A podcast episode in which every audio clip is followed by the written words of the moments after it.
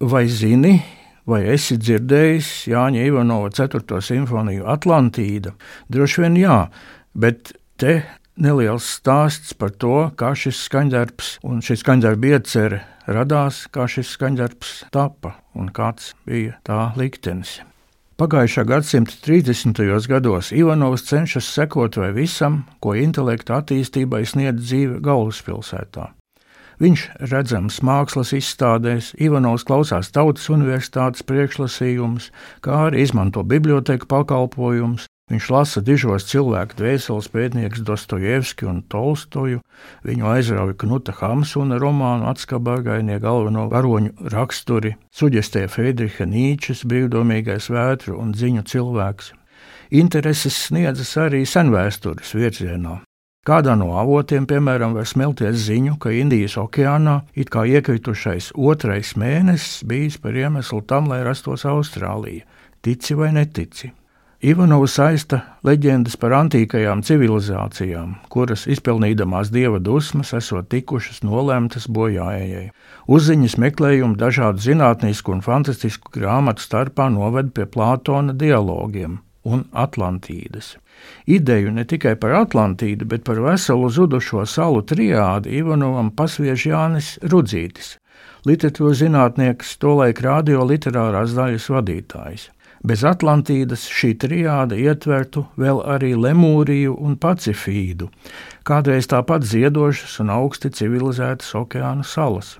Dzimst doma radīt simfoniski skatuvisku triloģiju, kur simfoniskajam sastāvam pievienotos arī teicējs, koris, balets, scenogrāfija, gaismas. Libretu šim lieldarbam uzraksta Jānis Rudzītis. Ar vērtīgiem padomiem nāk tālāk tiesību zinātnieks, Latvijas Universitātes profesors Vasilijs Sinaiskis un Ivanova tūs draugs mākslinieks Nikolais Bogdanovs Beļskis. 30. gadu beigās Ivanovs uzsāk darbu pie Atlantīdas. Nebūtu bijis kara, tiktu uzrakstītas visas trīs daļas, pulveru būtu pieticis, jau pēc vairākiem gadiem atzīst komponists pats.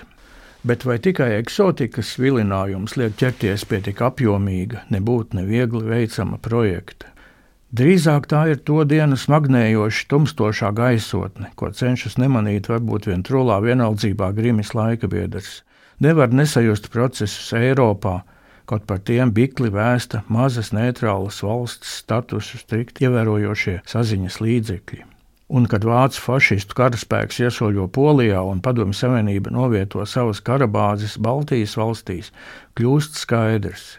30. gadu pasaule, šī ziedošā Atlantīda, drīz nogrims kataklizmas viļņos uz neatgriešanos.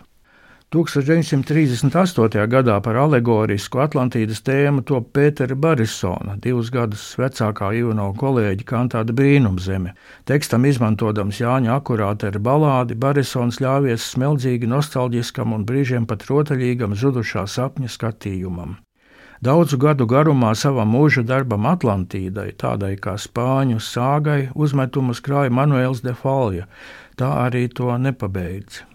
Ivanova Atlantīda ir par ko citu. Saturiski tā tuva Bēlas Bartoka divertismentam, Artūra Onegēra kantātei mirušo dēļa, Bohuslava Martinu koncertam diviem stīgu orķestriem.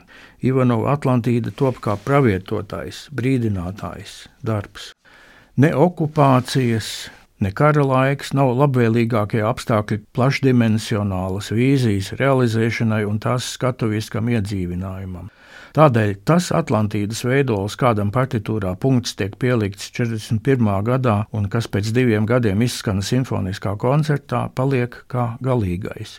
No sākotnējās vērienīgas sinkrētiskās ieceres saglabājusies sieviešu kora vokalīze simfonijas otrajā lēnajā daļā.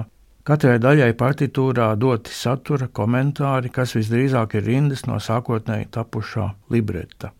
Abas vidējās žanriskās simfonijas daļas vokalīzi un rituālu dēļu, kā masīva arka iekļauj malējās, bojājējas, vēstītājas un paudējas.